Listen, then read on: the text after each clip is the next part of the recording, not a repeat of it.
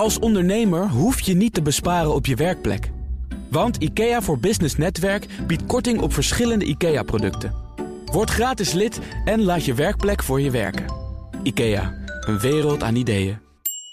Nederlandse webshops kampen met oneerlijke concurrentie vanuit het buitenland. Het bedrijf achter Belvilla is overgenomen door een Indiase start-up en private equity. De rendementen daarvan staan onder druk. Dat en meer bespreken we in het ondernemerspanel vandaag bestaande uit Hans Mulder, directeur van de VIA Groep, Quinten Schevernels, de CEO van Funda en mijn zakenpartner van vandaag, Eline Leijten, de CEO van Plugify, alleen maar directeur en CEO's.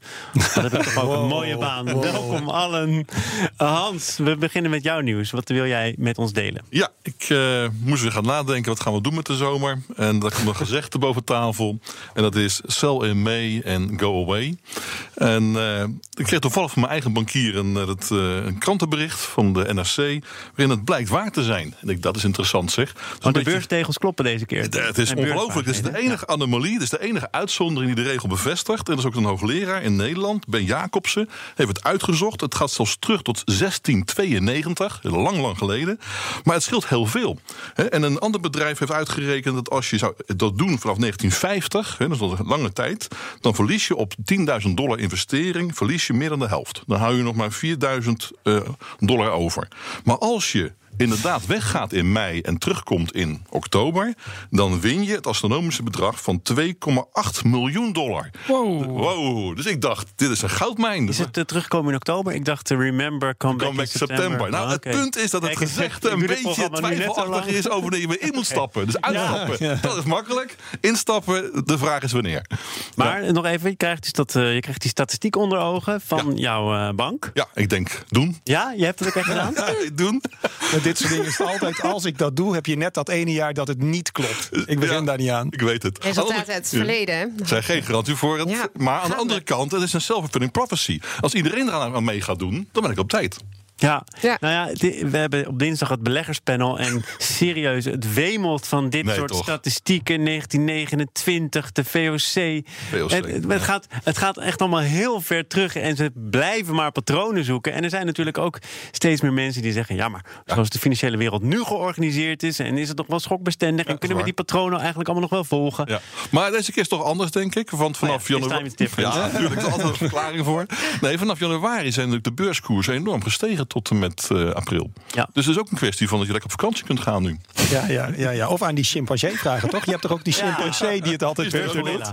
Ja. Ja. Het verdient volgens mij wel advies om ook per beurs te vergelijken wat het precies een goede uitstapmoment is. Ik Uiteraard. zag ook een grafiek van de AX waarbij inderdaad oktober echt de, uh, op basis van het verleden de winner is en september en november allebei dan geen vetpot zijn. Klopt. Dus per beurs uh, apart bekijken volgens mij. Goed advies. Uh, ja, is er maar of jouw advies nou ook zo goed is? Ja, op basis van de statistiek dus wel. Op basis van het dat verleden. Kan geen, kan geen kwaad, denk ik. Nee hoor, nee, je kan geen kwaad. We, we, doen geen waarschuwing bij jou. Het was, uh... Quinten, wat is jouw nieuws? Uh, gisteren gelezen in de krant, in het FD, dat uh, de ondernemer achter Van Dijks Boekenhuis, is bekend van de schoolboeken, die heeft dat jaren geleden verkocht voor heel veel geld. En die heeft nu deze week luxetenten.com gekocht. Dat klinkt bijna als een website waar je een tent kan boeken. Dat is het niet. Oh. Dat is een bedrijf die maken safari-tenten. Hele luxe. Dus met keukens erin, uh, sanitair, noem maar op. Glamping. Ja, precies. En toen dacht ik, dat is eigenlijk best wel slim. Dus ik ben heel erg van al die online dingen en digitale dingen. Ja. Dit is natuurlijk hartstikke offline. Maar volgens mij een enorme groeimarkt. Dus ik, ik las dat zo. Ik dacht, ah ja, dat klinkt wel heel erg slim. Volgens mij is dat een enorme groeimarkt. Ja. Maar uh, zeg je het ook omdat je jezelf in zo'n tent ziet zitten? Nee. nee maar, nou, nou, dat hangt er vanaf hoe, dat hangt er vanaf hoe luxe. Ik ben wel een beetje uh, uh, verwend. Het lijkt me op zich, ik denk dat de kinderen het superleuk zouden maar ja, vinden. Je hebt het niet altijd voor het zeggen. Maar glamping is de ideale mix van uh, in de natuur en verwenning. Ja, ja, ja. Nee, en het zag echt, er stond ook een fotootje erbij. En ik ben even naar de website gegaan. Het ziet er echt geweldig mooi uit. En zij verkopen dat dus aan exploitanten van uh, nou ja, bungalowparken, dat soort dingen. En ik merk dat jij het vooral dus grappig vindt, omdat het gewoon echt een product is. Ja. Ze maken echt iets. En daar zit dus ook gewoon uh, geld in. Er liggen ja. ook kansen. Ja, en ik vind het altijd wel interessant als er dan hele succesvolle ondernemers zijn. die niet direct lopen naar alles wat digitaal is. en waar al die hype omheen zit. Ja. maar die eigenlijk op zoek zijn naar gewoon echt slimme business, onderliggende trends. En dan voor sommige mensen zijn dat misschien wat saaiere of onopvallendere investeringen. Maar dat vind ik eigenlijk heel erg knap. Oei. En helaas komen die bijna nooit op mijn pad als Ja, investeerder. Maar dat goed, is een dat traditie anders. in Nederland. Hè. We hebben natuurlijk echt een campingtraditie. Hè. We hebben ook hele stevige tenten. Dat zijn wel bekend in de wereld. Dus dat kan echt wel eens een keer een succes worden, denk ik. Caravans, ook wel Caravans, namelijk hè? Nederlands product volgens mij. Zeker. Waarom wordt er dan meteen zo over gelachen? Weet je? Nee, wel? nee, Dit is deel van het probleem. Nee, het is serieus mijn nieuws. Nee, het is echt zo. Ja. Heb jij nog, want we zijn al begonnen met de, de, de brievenbusfirma's. Heb jij nog eigen nieuws, Eline? Eh, ik heb wel eigen nieuws. Ehm, ik werd laatst gewezen op een initiatief wat ik onder de aandacht wil brengen. Dat heet Founders Pledge. Dat ziet op een ehm, community aan ondernemers die veel geld hebben verdiend, dan wel geld in het vooruitzicht hebben. En naast een return on investment ook een sociale impact willen maken met het vermogen dat ze hebben vergaard met hun onderneming. Eh, ik word ehm, zelf heel enthousiast van ondernemers die breder dan hun eigen bedrijf ook een maatschappelijke verantwoordelijkheid dragen om eh, problemen die eh, de wereld ehm, eh, in grote mate heeft aan te vliegen. En Founders Pledge maakt het ultiem gemakkelijk voor jou als ondernemer om te kijken welke charities op basis van data sluiten aan bij waar ik voor sta als persoon. Eh, zij geven je advies en doen eh, diepgaand onderzoek niet alleen naar activiteiten van charity, naar, maar naar wat komt daaruit. Dus niet hoeveel les wordt er gegeven, maar hoeveel mensen zijn vijf jaar later op de arbeidsmarkt actief met die skills dankzij jouw gift. Ze geven je eh, fiscaal advies, je kunt gewoon call aanvragen. En het is ook gewoon een gave community met mensen who really care. Waar ik eh, dit weekend eens even met eh Manlief over om tafel gaan zitten. Omdat ik het gewoon een cool... eh Ja, heel, Initiatief mooi. vindt. Heel mooi. Ja. Founderspledge.com. yeah. Ja, klinkt supergoed. Hoe gaat het dan precies? De mensen krijgen dus een bepaalde kennis aangeboden. En wordt gelijk getoetst of die toegepast wordt. Ja, je committeert je als founder en dat is ook juridisch bindend. Ja, ja. Eh, je vult de naam van je vennootschap en de- het KVK-nummer in. Ja. Je zegt op het moment dat ik een exit maak, Ja. pledge ik om zoveel procent van mijn verkoopopbrengsten naar charity Ja, ja. uit te Oh, geven. nice. Die charity nader in te vullen. Daar kunnen ze je bij adviseren. Je kunt daar ook, eh, je kunt je portfolio à la investeringen, kun je je portfolio van charity euro's daar allokeren. En daar kun je dus wisselingen ook nog in maken. Maar ze adviseren je daarin om eigenlijk wat Bill en Melinda Gates natuurlijk doen op veel grotere schaal ook toegankelijk te maken voor kleinere ondernemers. Mooi zeg. Heerlijk. Goed, wij gaan het hebben over Nederlandse webshops. Want die kamp met oneerlijke concurrentie van buitenlandse webshops. Dat hebben ONL gezegd, MKB Nederland. Dagelijks landen er ongeveer drie Boeings 747 vol met eh, spullen van AliExpress. Vraag even aan jullie. eh, zijn jullie ook eh, medeplichtig? Eh, Nee. Mijn dochter wel, ik niet. Ah, nee. Die koopt, ja, en dan noem ik het dan vaak. Het is heel vaak rommel. Maar het is heel goedkoop en het is rommel. En dan na twee dagen dan is het kapot. Nou gaat dit natuurlijk ook over AliExpress dan. Nee, maar het gaat, het gaat eigenlijk in bredere zin ook over webshops binnen de Europese Unie. Eh, want die stijgen een beetje en eh, tenminste wat wij daar als Nederlanders aan spenderen. Hans Biesheuvel van ONL zegt dat is een oneerlijk speel, speelveld. Er gelden andere btw-tarieven, andere belastingen. Eh, is dat zo, Hans? Is er inderdaad sprake van eh, ongelijkheid? Als het zo is dat de BTW eh, verschillend is, wel. Kijk, als je zakelijk kijkt kun je het altijd aftrekken. Maar als het consumenten is, dan is het inclusief in de prijs. Dus dat maakt wel degelijk een verschil voor de schatkist. Dus ik denk dat daar een punt van aandacht gaat worden. Maar zou het niet zo zijn overigens dat het niet wordt verrekend bij de import? Is het niet zo dat dat dan wordt rechtgetrokken? Nou, ze doen volgens mij eh steekproefgewijze controle bij de Ja. import. Waarbij je toch vaak ziet dat de waar vanuit Amerika bijvoorbeeld hoger geprijsd is. Dus vaker in zo'n streek- steekproef terechtkomt. Ja. Waardoor je zeker nog naheffingen kunt krijgen. Want vaak eh ontspring je dus de dans. Ja. Maar ehm, dat zou er wel Ik moeten heb een boek besteld bij Amazon in Amerika, omdat het hier niet leverbaar was. Dat is denk ik nou, mooi. En ik kreeg toch een extra eh, belastingaanslag eroverheen. Dus in die zin, als het goed geregeld Dat wordt, corrigeert dan eigenlijk. hoop ik. Maar weer. dat blijkt dus niet zo te zijn. Want dat is natuurlijk de, de opmerking hier, is dat het dus niet altijd het geval is. Binnen de Europese Unie zit het probleem geloof ik niet, toch? Ja, Ik dacht dat het daar met de BTW wel redelijk gelijk was. Ik vond het ook een beetje lastig, want de groei, zeg maar, wat wij in het buitenland kopen, dus Europese Unie en daarbuiten, is 17% In Nederland 13% Dus die groei is een klein beetje meer. Maar in die definitie van buitenlandse groei zit dan ook IKEA.nl, Ja. H&M.nl. Ja, ja, ja. Toen dacht ik, ja, is dit probleem nou zo ontzettend groot? Hm, weet ik niet. Ik ben helemaal met je eens dat het probleem volgens mij ook niet ziet op eh, cannibalisatie van Europese om- of van Nederlandse omzet naar eh, Zweedse. Dat is het probleem volgens mij niet. Maar zeker wel de keten in transparantie bij de met name Aziatische spelers is denk ik ook kijkend naar de toekomst, waarin wij natuurlijk in Europa meer en meer gaan reguleren op duurzaamheid in de keten en daar eisen aan webshops opleggen. Ja. Eh, wat je nu al ziet, waar we dan steeds gemakkelijker naar Azië, denk ik, zullen browsen om. Wat ik ook wel duid als rommel aan te schaffen en hier naartoe te verschepen. En dan komt er denk ik wel een concurrentienadeel voor de Nederlandse ondernemer, die we als, hier als eh, overheid zouden moeten ondervangen. Ja. Ja, maar dat is dan eigenlijk over een hele as. Hè. Dan ga je bijvoorbeeld Ja. kijken naar inderdaad duurzaamheid, Ja. geen kinderarbeid. Ja. Maar dan denk ik ook dat partijen die in Nederland verkopen en waar die producten gemaakt worden, die worden ook bijna allemaal daar Absoluut. gemaakt. Dus dat is toch wel echt een ander ding. Ja. Nou, de vraag is natuurlijk sowieso of onze handel met webshops gaat veranderen. Nu ook grote giganten hebben gezegd: ja, we gaan toch nog eens kijken naar het gratis bezorgen, het gratis retourneren. Ja. Eh, dat, dat hele model staat onder druk. Ja, winter. tuurlijk. Dus eh, wellicht dat er op grotere schaal ook wel dingen gaan veranderen. Ja, ik zag die, die retourpercentages van Weekamp en Zalando van de week. Dat is bijna 50 procent. Ja, als je dan gratis verstuurt. Dat is echt, vooral met kleding denk ik dat dat is. Dat is niet te doen. Dat blijkt Hoe kan je dat daar geld ook, aan ook, nog, ook nog gedragen wordt en weer terug wordt bezorgd. Ja, dat is Dus er zijn wat erg. initiatieven volgens mij waarbij je het niet meer gelijk meekrijgt, maar gelijk kunt passen. Ja, er zijn ook initiatieven. Ja. Volgens mij Esprit ehm, eh, weert klanten als je een bepaalde retourpercentage hit. Kijk, Volgens mij. 80 procent. Ja. 80%, Alleen ja, de, de, de, de vraag die, die ik relevant vind is: zijn wij nog bereid om te gaan betalen voor dingen die we heel lang gratis hebben gekregen of gratis hebben kunnen doen? Zoals het bezorgen van spullen of het retourneren van spullen. Mhm, En moet je als bedrijf dan niet een heel machtige positie hebben om dat Ja. van je klant te kunnen vragen? Ja. als de grote jongens en, en dames in de wereld dit niet gaan opleggen aan consumenten, dan eh, delven de kleintjes het onderspit. Ja. Maar- Amazon heeft het op zich in Amerika natuurlijk wel grappig gedaan met Prime, met die abonnementservice, waar ze allerlei dingen aan koppelen. Hè. Ook dat je een soort eh, Netflix-achtige content krijgt, Ja. maar ook dat je daar eigenlijk ziet, eh, als je een bepaald bedrag betaalt per jaar.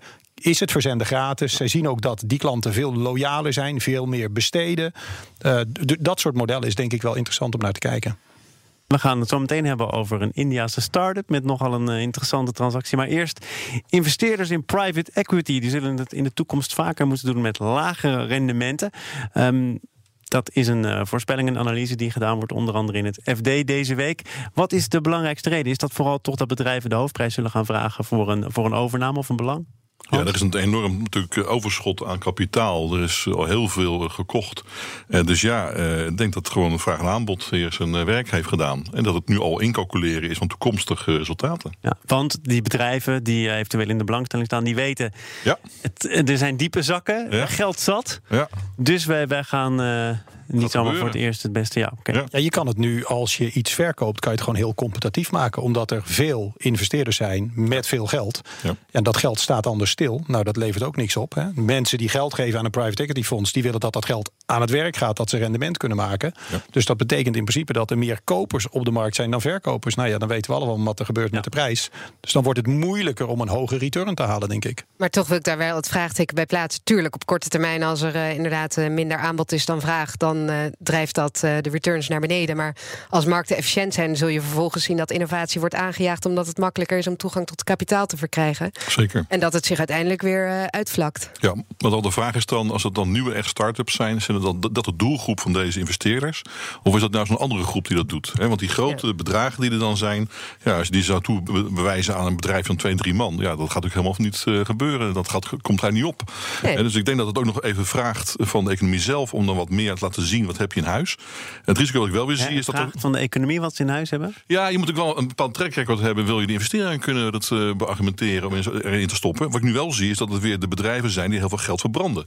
Hè, en niet zozeer de winst te maken. Dus de vraag is of dat nou zo'n goede richting gaat worden. Waarin die kapitaal eh, eh, heen gaat. Dus ja, er is toch wel een, eh, een kans dat ook die investeringen misschien niet gaan renderen. Ja. Maar het zit over de hele linie, denk ik. En niet alleen bij private equity, ook bij venture capital. Er is gewoon op dit moment in een hoogconjunctuur onwaarschijnlijk veel geld beschikbaar. Ja. Rentestand heel erg laag. Ja. Ja, dan krijg je eigenlijk een overvloed van kapitaal. Maar dat kapitaal en degenen die dat beheren zijn ontzettend op zoek naar goede teams, goede ondernemers, goede bedrijven. En dat is best wel moeilijk. Dus er zijn heel veel bedrijven, er zijn heel veel start-ups. Hoe selectief kun je nog zijn? Want een, een woord dat ik eh, niet kende, maar in deze discussie veel tegenkom, is toch eh, dealdwang. Hè, Je moet dat geld Mhm. Ja. aan het werk zetten. Ja, En je ja. moet dus ook dat bedrijf vinden om dat geld in te stoppen. Eh, waardoor je ook minder kieskeurig gaat worden. Nee, je, kunt, je wordt denk ik steeds risicovoller. Dus je ziet ook dat venture capital als asset class groeit. Dus dat daar meer en meer geld naartoe gaat. En ehm, dat is denk ik een positieve zaak. Ik ben ook wel benieuwd, Hans, wat je bedoelde met eh, meer, eh, hoe je het net benoemde, maar dat ondernemers aan de andere kant van de vergelijking meer en meer geld eh, er doorheen branden. Ja. Of dat een slechte gegeven is dat er inderdaad meer door de economie loopt en dat er meer wordt aangenomen, in marketing wordt geïnvesteerd. Ik ben wel benieuwd of we dat nou zo moeten zien. Ik zie het persoonlijk wel als goed. Nou, kijk, ik, ik vind de onderneming moet op termijn winst opleveren. Hè, en, dat, eh, en dat de kost voor de baat gaat, is, is duidelijk. Maar het er zijn bedrijven soms die zoveel geld aan het verbranden zijn... dat ik me afvraag of dat aan het eind van de rit iets op gaat leveren. Ja, eh, world domination is vaak het streven. en dan eh, ze kijken naar eh, de onderkant van de PNL. Ja. Ja. Nee, Ja. nee, nee, kijk maar naar eh, de Uber. En als je gewoon hun filings leest. En eh, nu ehm, eh, eh, Tesla en Musk. En ook in Nederland dat ik soms wel funding zie gaan naar bedrijven. Mhm. Waar ik dan zelf ook naar heb gekeken als angel investor. Dan denk ik zo, wow, nou, of ik zie het echt helemaal verkeerd. Maar Ja. dat zou ik echt niet doen op dat soort waarderingen. Ja. Maar ik denk dat dat een beetje Nou, die goed, dealdrang is. Ja. Maar kijk, kijk naar hoe jij jezelf dan als investeerder opstelt. Moet jij, moet jij jezelf ook echt af en toe eventjes Mhm. eh, een duidelijke grens stellen? Van hier, hier wordt echt te veel gevraagd en hier neem ik te veel risico. Ja, ja, ja, maar voor mij is het natuurlijk wel heel anders, omdat dit gewoon een beetje een bijactiviteit is. Als jij een venture capital fonds runt en mensen hebben jou geld gegeven omdat dit jouw werk is. ja. En Jij jij voelt wordt die dwang niet. ieder jaar betaald eigenlijk door hun om dat te doen. Ja, als je dan stil zit, als ik een jaar geen investeringen doe, nou ja, weet je, prima, dat hoef ik aan niemand uit te leggen. Niemand betaalt me ervoor. Dus dat is natuurlijk heel anders Ja. dan als dat jouw professie is en je hebt dat beloofd aan investeerders. Ja. Maar goed, wat ik aan alle venture capital eh, fondsen zou willen aanraden... is om ook juist in de gaten die de markt echt nog wel kent te springen. Eh, onderzoek wijs- wijst vaak uit dat er nog veel bias... eh, ook in de beoordeling van ventures zit. Dus zo gaat 1,6% nu van al durfkapitaal... naar door vrouwen geleide ventures. Dus wellicht als vraag en aanbod heel eh, gespannen wordt... eh, kunnen daar ook nog wel wat interessante investeringsmogelijkheden worden gescout. Ja, ja. Maar die- dat is echt zo en dat, eh, dat verbaast mij wel. Die kom je ook gewoon veel minder tegen. Ik denk dat ze er ook veel minder zijn. Ja, En dat is echt- dat vind ik heel jammer, hoor, Altijd maar het is geopperde argument. eh, onderzoek, en daar komt Startup Delta binnenkort ook mee. Wijst uit dat eh, de verhouding man-vrouw geleide ventures in Nederland in elk geval 10 staat tot 90 minstens is. Dus dat er een Zo, factor ja. 10 verschil zit in de verdeling van financiering en de verdeling van vertegenwoordiging van ondernemers. Dus zeker, het is niet 50-50, maar de markten zijn ook bepaald niet efficiënt nog. Ja, ja. Dat is dus een kans om zo in te groeien. Precies, Juist. Ja. ja.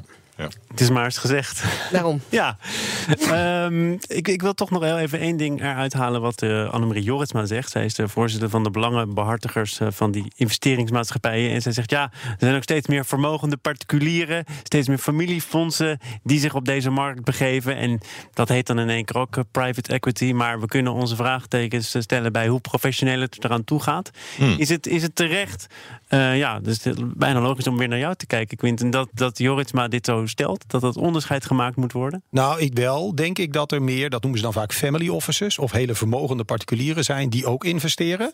Dat is misschien niet helemaal de definitie van private equity... maar ik zou zeker niet willen zeggen dat dat minder professioneel is. Hmm. Die, die cijfers zou ik uh, over een aantal jaar wel eens willen zien. Want ik denk dat family offices, succesvolle ondernemers die hun eigen geld investeren. Mm. Ik zou niet zomaar zeggen dat private equity dat uh, per se beter doet. Ja, het is ook schoonmaker bij waar je leest. Hè. Ik doe over mee dat dat soort uh, fondsen. En dan zie je dat ze opeens zeggen: Ja, het lijkt me heel goed om te investeren in tuinmeubels. Dan denk ik, nou, hartstikke leuk, maar ik heb er geen verstand van. Doe het liever niet.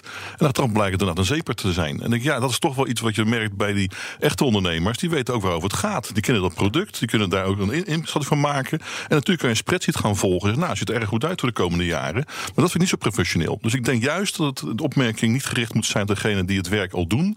Maar veel meer diegenen die op afstand staan en dan zeggen: Ja, ik, ik weet het eigenlijk niet. Maar het is maar goed uh, dat, dat, uh, dat die cijfers er zijn. Dat ja, laten we niet vergeten, sommige van die succesvolle private equity fondsen in Nederland vinden hun oorsprong ook eigenlijk in de succesvolle ondernemer en de family offices. Hè. Die zijn daar gewoon uit voortgekomen. HAL, NPM ja. uh, en heel succesvol geworden. Ja. ja. exact. Ik zou eigenlijk liever het statement van de NVP daarin willen omdraaien. Dat volgens mij private equity van alles kan leren van de family offices. Die toch vaak een langere termijn oriëntatie hebben. Een langere fundhorizon dan de korte termijn VC's. Eigen geld investeren. En daar minder dealdruk. Minder dealdruk en uh, prima rendement. We gaan praten over een uh, vrij grote deal. Het gaat over de Ad Leisure Group. Dat is de eigenaar van onder andere vakantiehuizenwebsite Belvilla, Casamunda en Traumferiën Woningen. Komt in, ja, dank u wel. Zo. Komt in handen van de Indiase start-up Oyo Hotels. Het bedrijf heeft er 350 miljoen euro voor neergelegd. Uh, dat is een start-up, wordt geleid door een 25 jaar oude man uit India. Die jongen, dan... zou je bijna zeggen. Hè? 25. Jongeman, jongeman. Uh, is, dat, is, dat, uh, is dat echt ontzettend opvallend? 350 miljoen, start-up die dat dan overneemt. 25-jarige CEO. Ik vind het wel slim om deze combinatie te maken. Dus dat is wel iemand die volgens mij de markt gaat dat, doorzien. want ja, er is gewoon een enorm tekort. En ik had deze combinatie nog niet eerder gezien, dus ik vind hem wel mooi. Ja, maar er zijn een paar dingen die dan opvallen. Ik zeg het nog één keer: die start-up, die jonge man. En hij komt ook nog eens uit India. Wat, wat, zegt dit ja, dus over hoe de wereld bedrag, in verandering is? Het is een groot bedrag, maar dat is niet per se opvallend. Ik vind wel inderdaad zo'n jonge CEO-founder. Die is dit op 19-jarige leeftijd begonnen. Het bedrijf wordt nu gewaardeerd op 5 miljard. 25 jaar. nou ja, dat vind ik echt super indrukwekkend. En ook wel een Indiaanse, nou ja, start-up kan je het bijna niet meer noemen. Maar die dan een overname doet in Nederland, in Europa. Dat zie je natuurlijk ook niet zo heel erg vaak. Dus dat vind ik wel twee echt opvallende dingen. Dus dat is wel heel interessant. Ja. Zeker. En, het, is, het is dus ook geen start-up meer als ik het aan jou zou vragen. Want nee, een waardering... bedrijfswaardering van 5 miljard. Ja, dat is toch de start-up echt wel voorbij. Dat noemen we een unicorn plus, volgens mij. Ja, ja. ja, En, in India, dat is dat andere element waarvan je toch kunt zeggen van... hé, hey, we hebben ons heel erg druk gemaakt over China. Maar India, dat wordt ook aangemerkt als een van de grotere groeiers overigens. Hè. Mhm. Eh, zijn dit de eerste tekenen daarvan, Eline? Ja, ik denk het wel. Ik denk dat je India zeker in het vizier moet houden als je scout naar investeringsmogelijkheden ook buiten Europa. En uh, grote bewondering voor wat hij doet en hoe snel hij dit in, uh, daar heeft opgebouwd. En dit is natuurlijk een entry ticket voor India naar Europa. Dus zeker ook voor andere Europese ventures die op zoek zijn naar exit partners, zou de Indiaanse markt best wel eens een mooie vijver kunnen zijn. Ja, wat wel interessant kan zijn als je in Silicon Valley kijkt, al jarenlang zitten daar heel veel Indiaanse ondernemers of technische mensen gewoon heel hoog in die organisaties. Google, Amazon, noem maar op. En wat wel heel interessant zou zijn als dat talent in India zijn bedrijven gaat opbouwen. En ik heb geen idee of dit een soort signaal daarvan is of zo. Maar dat zou natuurlijk ook gewoon voor die economie daar ja, super interessant zijn als dat gaat gebeuren. Wat ik leuk vind is dat ook misschien wel in een andere markt aangeboord kan worden. De Indiaanse toeristen. Ik begreep onlangs dat er een enorme opkomst was van Chinese toeristen. Met name naar de Keukenhof. En dat ze zelfs plannen hadden om heel Giethoorn over te nemen. Niet zo nieuw hoor. Dat, dat, mocht, dat mocht niet. Hè. Dus ze mochten niet uh, Giethoorn al die huizen kopen. Maar dat is natuurlijk ook een hele mooie manier om vanuit India natuurlijk te zeggen: we hebben huizen. Kom maar eens kijken. We gaan ze, we gaan ze verwelkomen. Op Funda. Dat zei Quinten Schepen, de CEO van Funda. reclame Hans Mulder was hier directeur van Via Groep. En mijn zakenpartner Eline Leijten, CEO van Plugify. Dankjewel. Als ondernemer hoef je niet te besparen op je werkplek. Want IKEA voor Business Netwerk biedt korting op verschillende IKEA-producten. Word gratis lid en laat je werkplek voor je werken. IKEA, een wereld aan ideeën.